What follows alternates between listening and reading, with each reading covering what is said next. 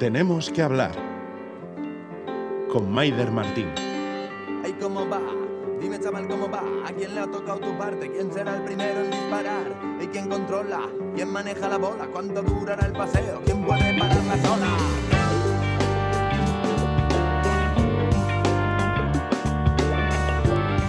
Hola, ¿cómo están? ¿Cómo lo llevan? Yo aquí sigo atrapada en las ondas, reiniciando este tiempo para contarles cosas, con ganas y con susto, o mejor dicho, con esa adrenalina típica que sentimos la mayoría cuando el micro está en on. Me he exprimido el seso para proponerles otra cosa, o mejor dicho, otra manera de hacer las cosas. Y realmente eso es lo que me pidieron cuando me entregaron esta hora vacía de programación. Haz lo que quieras, hazlo como tú eres, pierde el miedo y salta. Bueno, pues a riesgo de que no haya red, hoy les traigo un programa que pretende ser plástico, en el que el sonido quiero que se vea, se huela, se sienta y hasta se toque. Un programa que es una postal del interior del país. Nos vamos monte arriba, a vendimiar. Mendian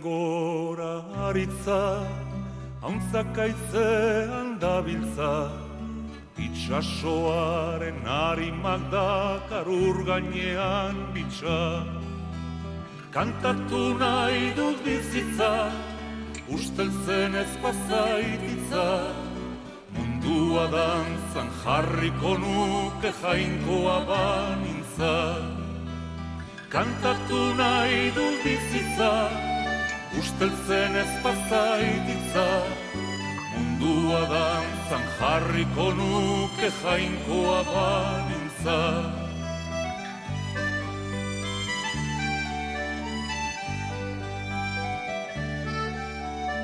Euskal Herriko tristura, soñeko beltzen joskura, txorin negartiz bete da eta humorez ustu da.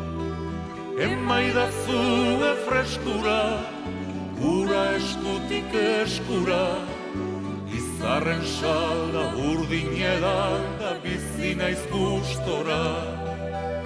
Emaidazu freskura, gura eskutik eskura, izarren salda urdin edan da bizi naiz gustora.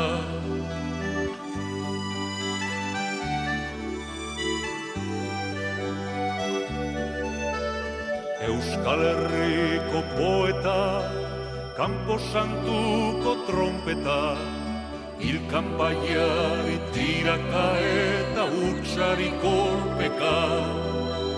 Argitu ezako peta, penak euretzat gordeta, Oizero sortuz bizitza ere hortxe zegoketa.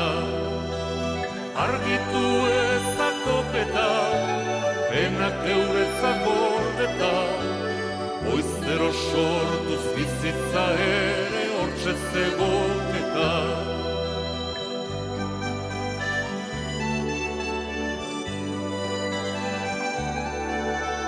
Mundua ez da beti jai, inoiz tristea ere bai, Sincronicemos relojes, son las 8 y 10 de la mañana. Acabo de llegar a las bodegas Gorka y Zaguirre, en la Rabetsu. Es miércoles, hace frío y la niebla todavía se agarra a las montañas e impide que éstas revelen del todo sus formas. En la bodega, en cambio, el ir y venir de los trabajadores es constante. Algunos limpian las máquinas, otros vigilan la prensadora de uva. ¿Qué tal? Yo soy Maider. No te vas a imaginar, pero ¿por qué? Pero, ¿Verdad? no lo supongo. Esta alcachofa, No te voy a- cuidado, ¿eh? No te voy a decir el por qué. Yo soy José Ra. Ah, va- 30 segundos vale.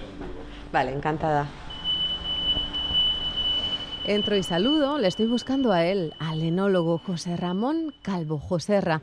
Se esconde detrás del ordenador, un poco afilando números y otro poco afilando la previsión meteorológica, supongo. Egunon, ¿cómo estás? De vendimia. Bien, no de vendimia. ¿Y eso qué significa? Eh, ¿Eso qué significa?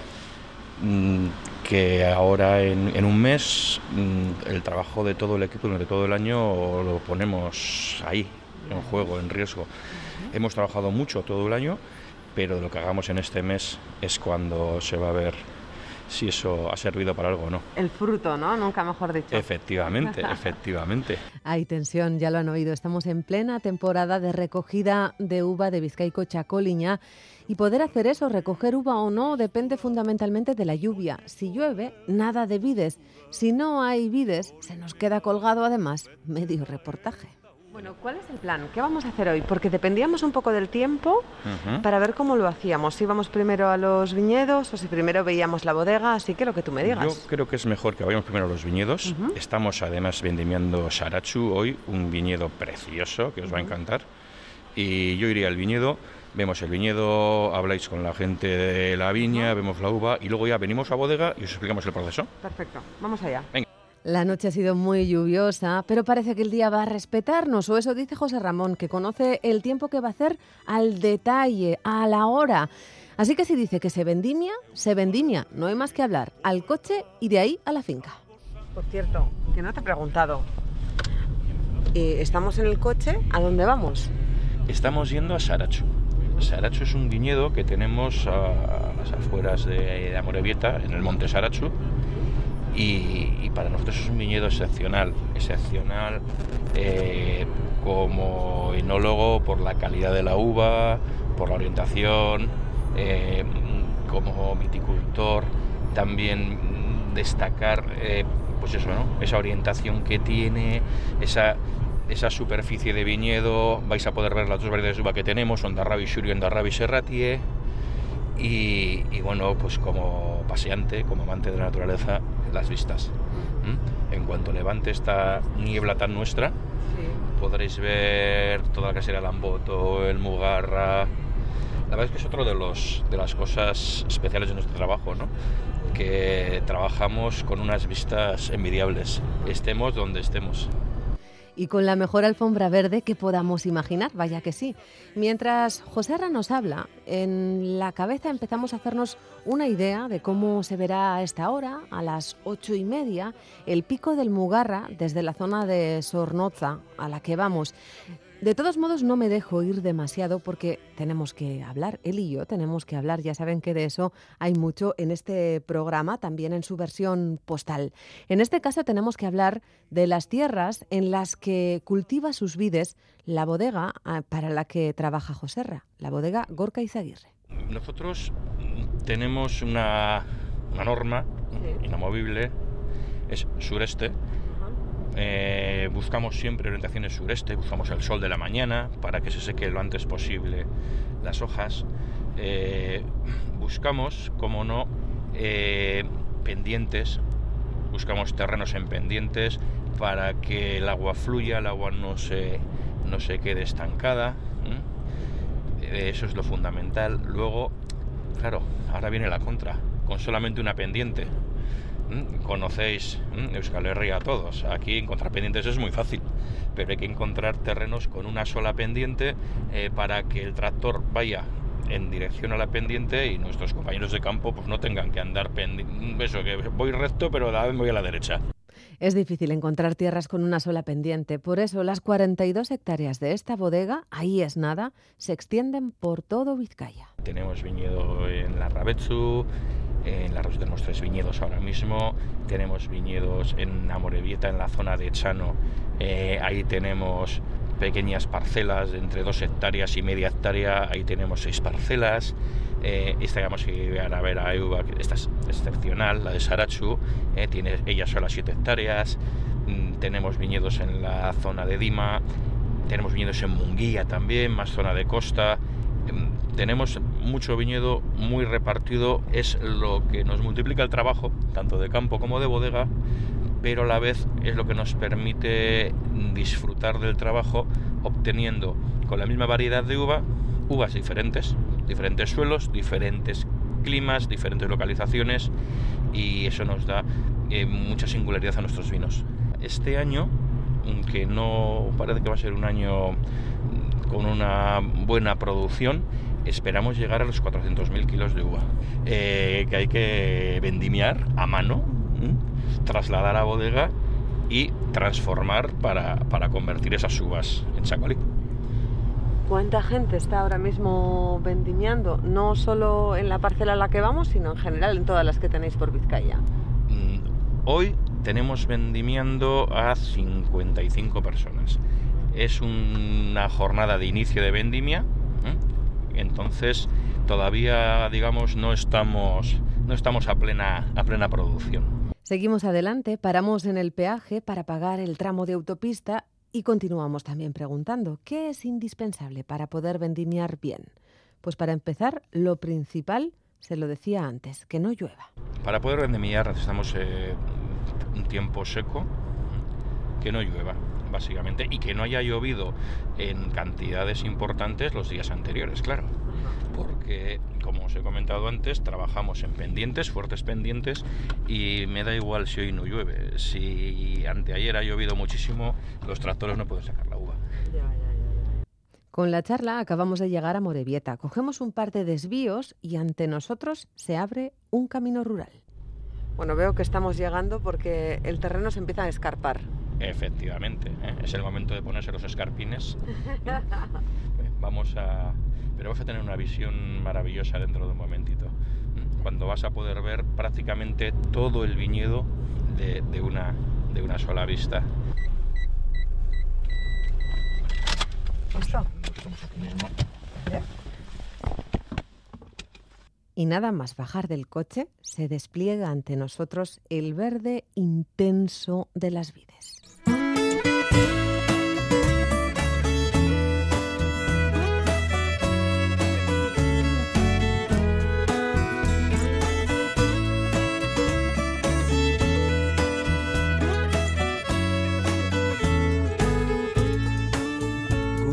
vai estar.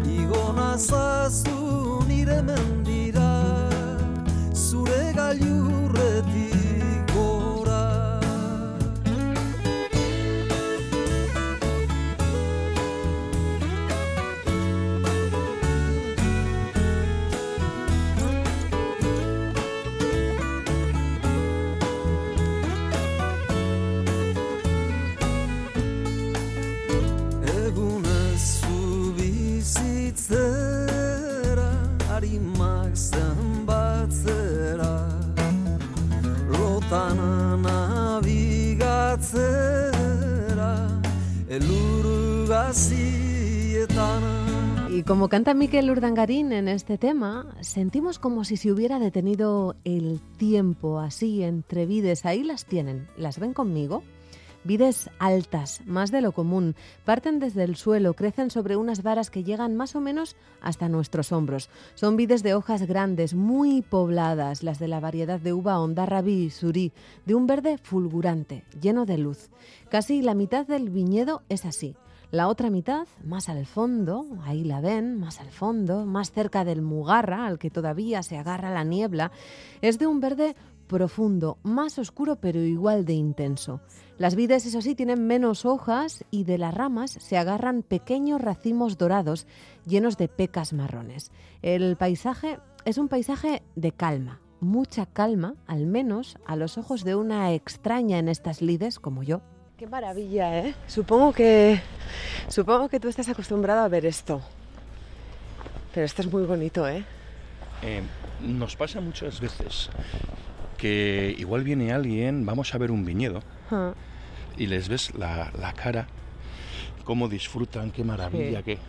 Y tú en ese momento tienes que ponerte a pensar y dices, eh, mi realidad no es la realidad de todo el mundo.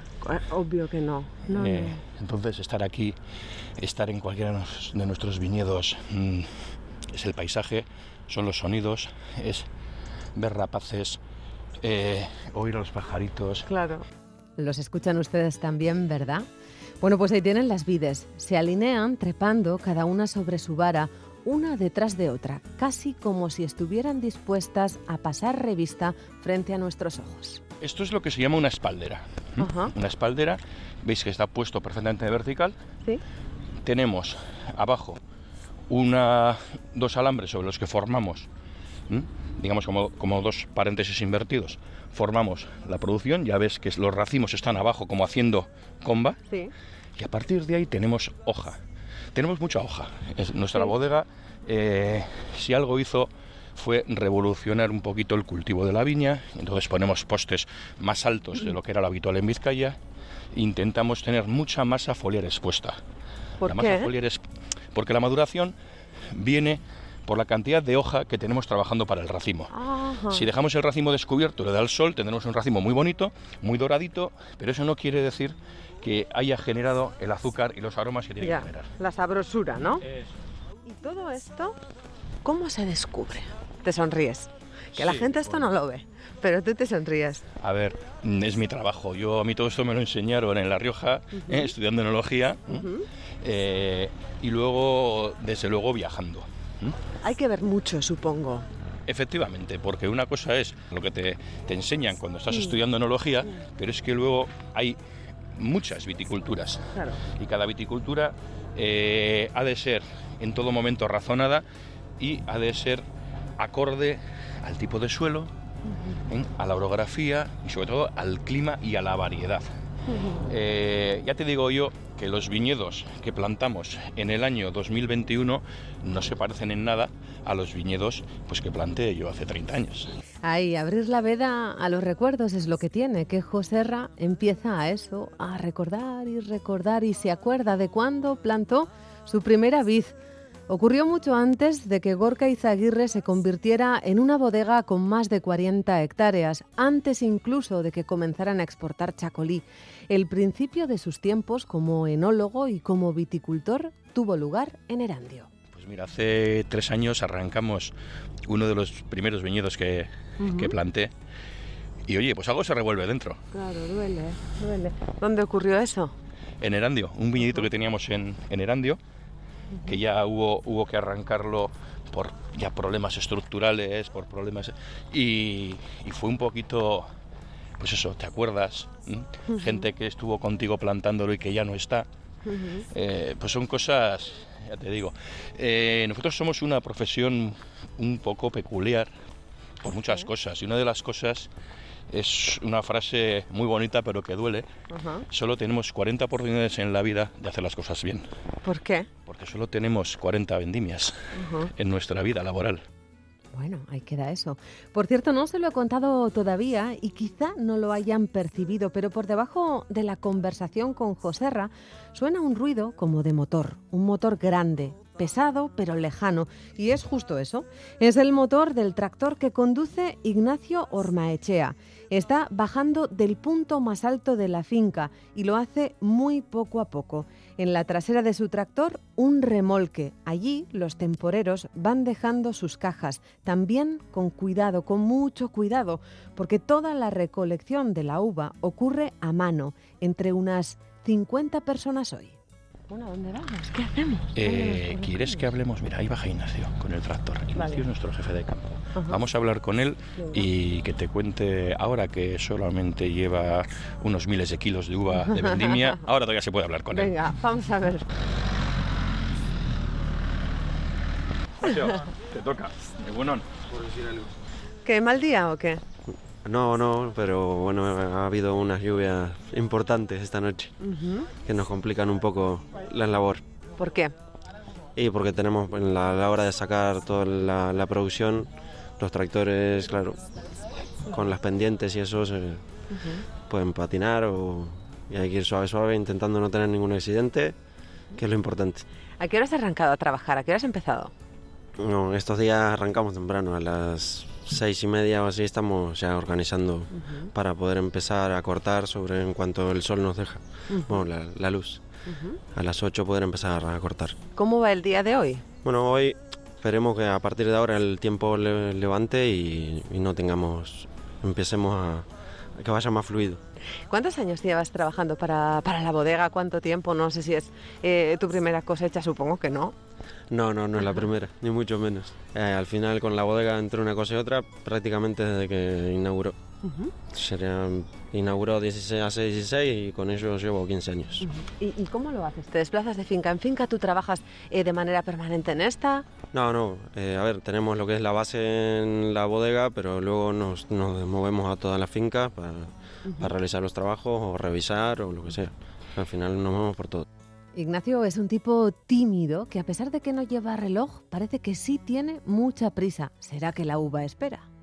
Tú llevas el tractor. ¿Cómo se lleva un tractor por eh, entre viñas? Parece misión imposible, ¿eh?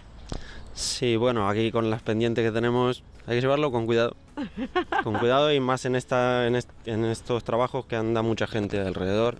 Entonces, más que nada, priorizar que no haya ningún, ningún problema con ninguna persona. ¿Cuántas personas más o menos están vendimiando hoy? Eh, hoy estaremos 42 personas y, y dos tractores. Vale, para que se hagan una idea, el tractor tiene el remolque abierto y ¿cómo funciona? ¿Qué, va, qué se va metiendo aquí? ¿Qué no? Ah, Aquí la, la vendimia es toda manual, entonces la gente va cortando y va dejando en cajas debajo del- de las plantas y el tractor va pasando fila por fila y vamos cargando al, al- al cajón por detrás. Luego lo paletizamos para que venga el camión y cargue con la grúa y a bodega, lo antes posible para, para mantener la calidad del- de la uva. Quizá no lo perciban, pero a Ignacio le noto incómodo en la conversación. Parece que le cuesta ponerse detrás del micro a pesar de su sonrisa. Y hablando de eso, de gente que sonríe, les tengo que presentar a Alazán. Es temporero, vive en Bilbao y va allá donde la cosecha le requiere. ¿Qué tal? Yo soy Maider. ¿Tú cómo te llamas? Yo llamo Alazane, Alazán. sí. Ujú. ¿Es tu primer año vendimiando? No, yo hace muchos años aquí. ¿Cuántos? Bueno, hace 2014 yo llevo mucho tiempo eh, trabajando con Ignacio. Sí. Trabajando con Ignacio. Em, ¿Y cómo trabajas? ¿En qué consiste tu día? No, estoy bien. Estoy trabajando bien. Cada 8 al día, 8 horas estoy bien. Sí. ¿A qué hora empiezas? A las 8 de la mañana. ¿Vale? ¿Y en qué consiste tu trabajo? ¿Cómo, cómo lo haces? ¿Qué tienes que hacer? Bueno, hoy corta de uvas. Bueno, antes del verano eh, hay que quitar ramas, quitar las hojas, hay mucho, mucho trabajo ahí. ahí. ¿Tú de dónde eres, por Yo cierto? de Senegal. De Senegal. Sí. Ujú. ¿Y en Senegal trabajabas en esto, en la agricultura? No, ya- sí, hay unos de, de uva no hay. ¿eh? No, ya me No, imagino. Sí, sí, de uva no, no hay. ¿Y en qué trabajabas? Bueno, hay cultura, hay muchos, Ujú. muchos culturas, pero yo llevo mucho tiempo aquí. Ujú. Sí. ¿Desde cuándo estás aquí? Bueno, 16, 17 por ahí. ¿17 años? Sí. No mucho, ¿eh? Bueno, poco. Ujú. ¿Y dónde, dónde vives aquí? Yo vivo en Bilbao. ¿Y vienes todos los días hasta aquí, hasta Morevieta? Un día te trabajando en Orbito, un día trabajando de la Sama. Estoy mucho contento. Sí. ¿Cuántos años tienes, por cierto? Yo, yo tengo más o menos 40. Ah, más de 40. Yo tengo 40 años. Sí. Nos reímos, no dice la edad exacta, más o menos 40. Alazán es de Senegal, vive en Bilbao, trabaja donde le toca, un día en Amorebieta, otro en Munguía, otro en Lezama, y hace lo que tenga que hacer, cortar uvas, recoger las cajas, meterlas en el tractor.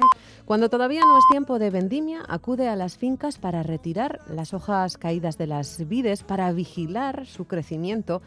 El caso es que sonríe a la periodista que soy, lo pone fácil, así que le pido algo más. Me gustaría que me explicara cómo se cortan las uvas. ¿Podemos hacerlo? ¿Puede coger las tijeras, se llaman? Sí, sí, puede. ¿Sí? ¿Me enseñas? Venga, hacemos. Él, No, él yo no- normalmente, yo no- él- él normalmente está cargando. Acá están Ah, cargando. vale, vale, vale. Pero bueno, pero ha cortado muchos años y sabe perfectamente. Así que va a ello. Primero hay que coger, eso sí, las tijeras.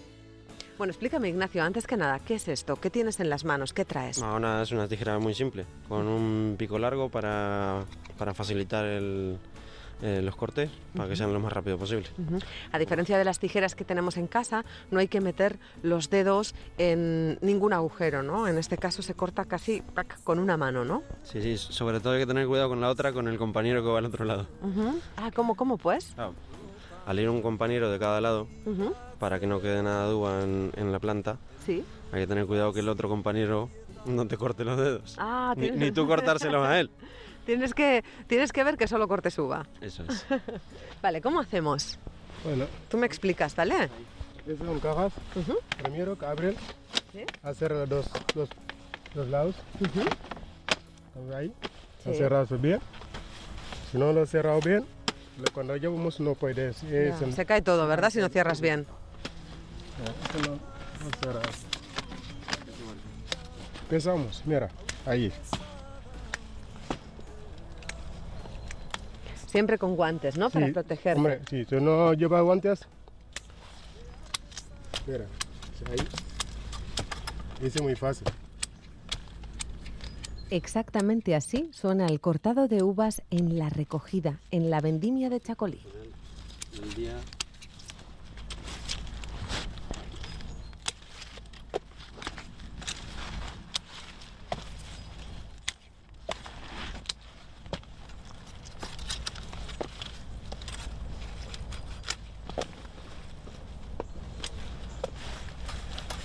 Que mirar todos, ¿no?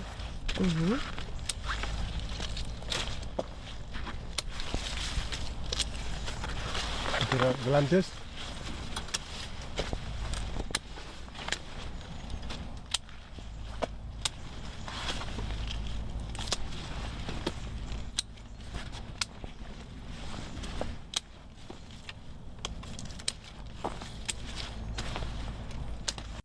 Vale, no te voy a marear más. No, no, no pasa nada.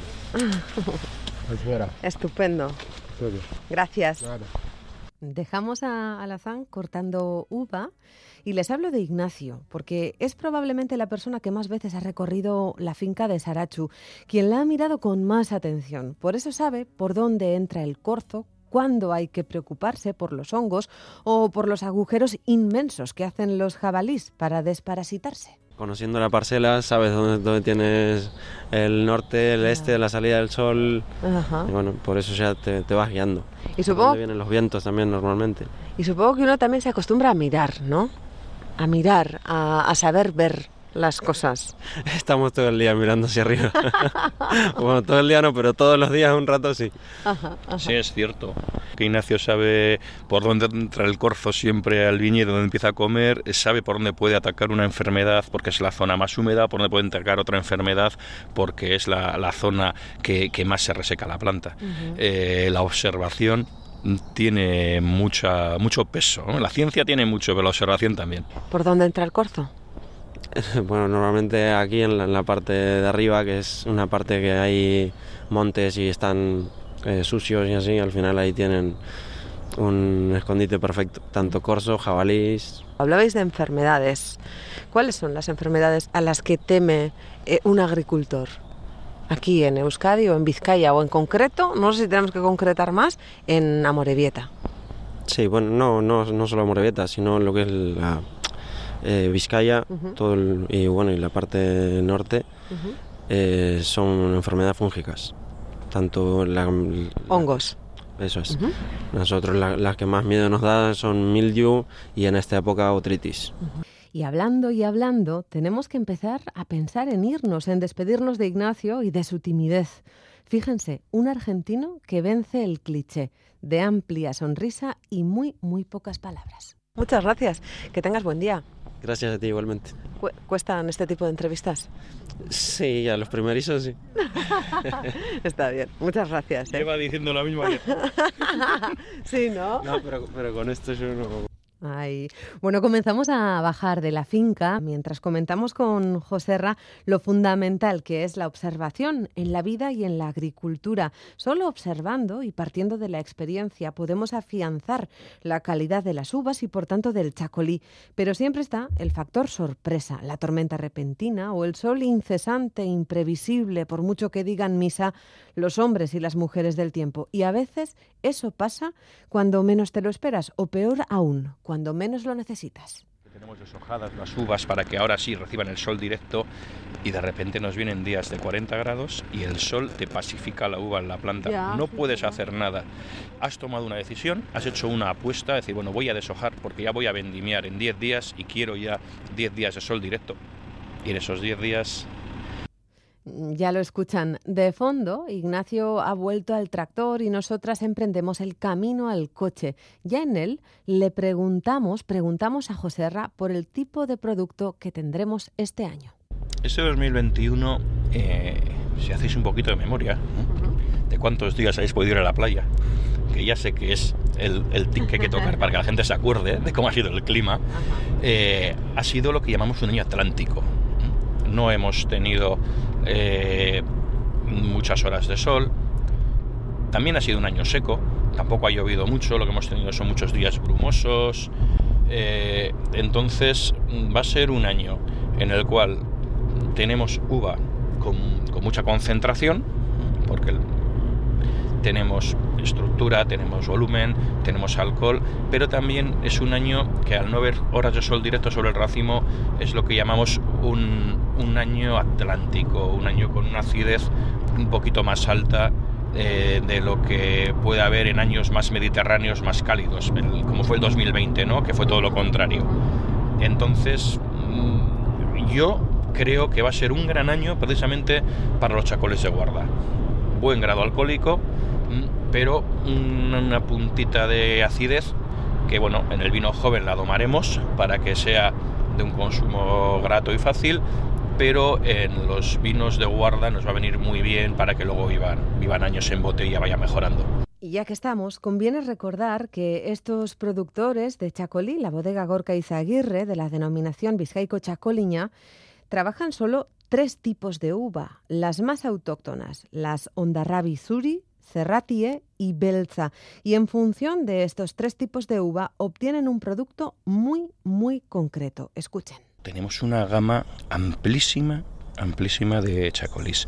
Hacemos eso en blanco joven, un criada sobre Elías, hacemos vino en madera, hacemos un chacolí en madera, el que premiaron en Bruselas, pero no en barrica, sino en una gran tina de roble de 5.500 litros. Eh, hacemos ama, un chacolí que solo sale añadas excepcionales y que tarda más de tres años desde la cosecha a salir al mercado. Hacemos un vendimia tardía, un chacolí dulce. Y lo último que hemos hecho que es pues recuperar la onda Belza. La variedad tinta que estaba prácticamente extinta, eh, nosotros, dentro de nuestra cabezonería de trabajar solo con variedades autóctonas, hemos hecho un tinto de uso 100% con Ondarrabi Belsa, clones certificados que nos ha dado la Diputación Foral de Vizcaya. Hemos sobreinjertado un viñedo y estamos haciendo un tinto. Se puede innovar sin perder raíces. Las tres variedades autóctonas, innovando, haciendo cosas, pero sin perder las raíces. Txakolin barri bai, kostaldeko txakolin barri kuperan Txakolin barri bai Y así, sin darnos cuenta, hemos llegado justo al lugar en el que se innova, a la bodega. Txakolin barri bai, kostaldeko txakolin barri Estamos en la bodega y vamos a simular ahora el recorrido que va a hacer la, la uva que está cogiendo Ignacio. Vamos a hacer el recorrido. Vale. La uva va a llegar a la bodega y lo que vamos a hacer es, en esta zona, ir volcando las cajas en esta cinta que vamos a alimentar la despalilladora. ¿La? La despalilladora. La despalilladora es una máquina Sí. Ah, que lo que va a hacer es separar el grano del raspón. El raspón es lo que nos queda en la mano cuando somos un racimo de Sí. uva. Eso es madera, no nos aporta nada interesante, lo vamos a quitar. Y nos vamos a quedar solo con estos granos tan chiquitines que tenemos. Y ya el grano llega a aquellos depósitos horizontales que vemos aquí los arriba. grandes, grandes. Esos que están en Vale. horizontales tumbados. Y ahí vamos a macerar. Que parecen turbinas de avión. Sí. Sí, bueno, mira, nunca lo había visto así. Ahí vamos a macerar, vamos a poner en suspensión eh, el sólido, que es la uva, con el mosto que va a salir de los granos más maduros que se van a reventar. Claro, ahí entran 10.000 kilos de uva. Por su propio peso, los granos más maduros revientan, generan un mosto y ahí vamos a, a esperar una serie de horas a que la pruina, que es la capa cerosa que recubre el pellejo de la uva, ¿eh? se vaya degradando y los aromas van a salir y van a quedar disponibles para que luego las levaduras sean capaces de revelarlos. Ahora mismo estamos prensando la primera uva que ha entrado en bodega. Esta la vendíamos ayer ayer a la noche en todos los maceradores y ahora la estamos pensando. Y mientras macera el mosto y no, José Ra me enseña la que él llama la parte absurda de la bodega, la que lo complica todo, la que más miga tiene. El futuro chacolí se deposita por parcela y por variedad de uva en un lugar. Una sala con 60 depósitos de acero inoxidable de 2.250, 5.000, 10.000 y 15.000 litros. ¿Por qué lo llamamos la parte absurda? Pues porque una, bodega industrial para elaborar 550.000 litros de capacidad que tenemos aquí instalada, habría puesto 12 depósitos de 50.000 litros y solucionado. Pero nosotros teníamos clara cuál era la idiosincrasia de la viticultura vizcaína, eh, cuál era la situación. Eh, hace 20 años había que estudiar mucho, experimentar, trabajar eh, para conocer nuestras variedades. Entonces decidimos apostar por esa elaboración por parcelas tenemos tantos depósitos porque elaboramos cada parcela por separado. Y si una parcela tiene las dos variedades, haremos Ondarrabi Suri de Sarachu y Ondarrabi Serrati de Sarachu. Separamos por variedades y por parcelas.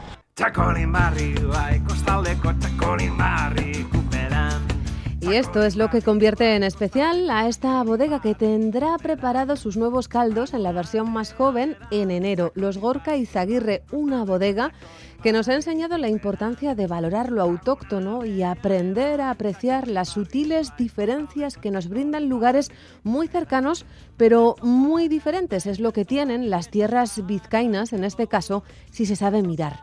¿Será que todo está en la raíz de la vid y de la esencia que somos, en la raíz? Y si entienden esto, entenderán por qué pongo esta canción final para cerrar el círculo y dejar paso a los deportes. Si te encuentro gritaré a viva voz que prefiero verte que ganar la guerra. Levántate mi corazón, te escondiste a la sombra de la sierra. En siete días seguimos hablando, tenemos que hablar para encontrarnos. Eso es lo urgente y lo importante. On Billy. Que se aparten las gentes enormes con uniforme de antiguo soldado. Veo piratas que visten corbata. Veo maletas como de equipaje que esconden dinero y a esas gentes de traje los llaman banqueros. Veo una vida podrida que tú no elegiste. Veo a los niños callados y tristes, pero a ti no te veo. Si te encuentro gritaré a viva voz que prefiero verte que ganar la guerra. Levántate mi corazón, te escondiste a la sombra de la sierra. Lleno de payasos que no hacen malabares y con las botellas solo llenan vasos. Veo caballos que son de hojalata, veo cadenas que atan las patas de un mundo que no se desata. Hoy hace noche mi barco en tu puerto, pero prefiero flotar a caminar como un muerto. Lanzo mis besos al aire para que esquiven el baile de cuerpos de una sociedad en la que no te encuentro. Si te encuentro gritaré a viva voz que prefiero verte que ganar la guerra. Levántate mi corazón, te escondiste a la sombra de la sierra.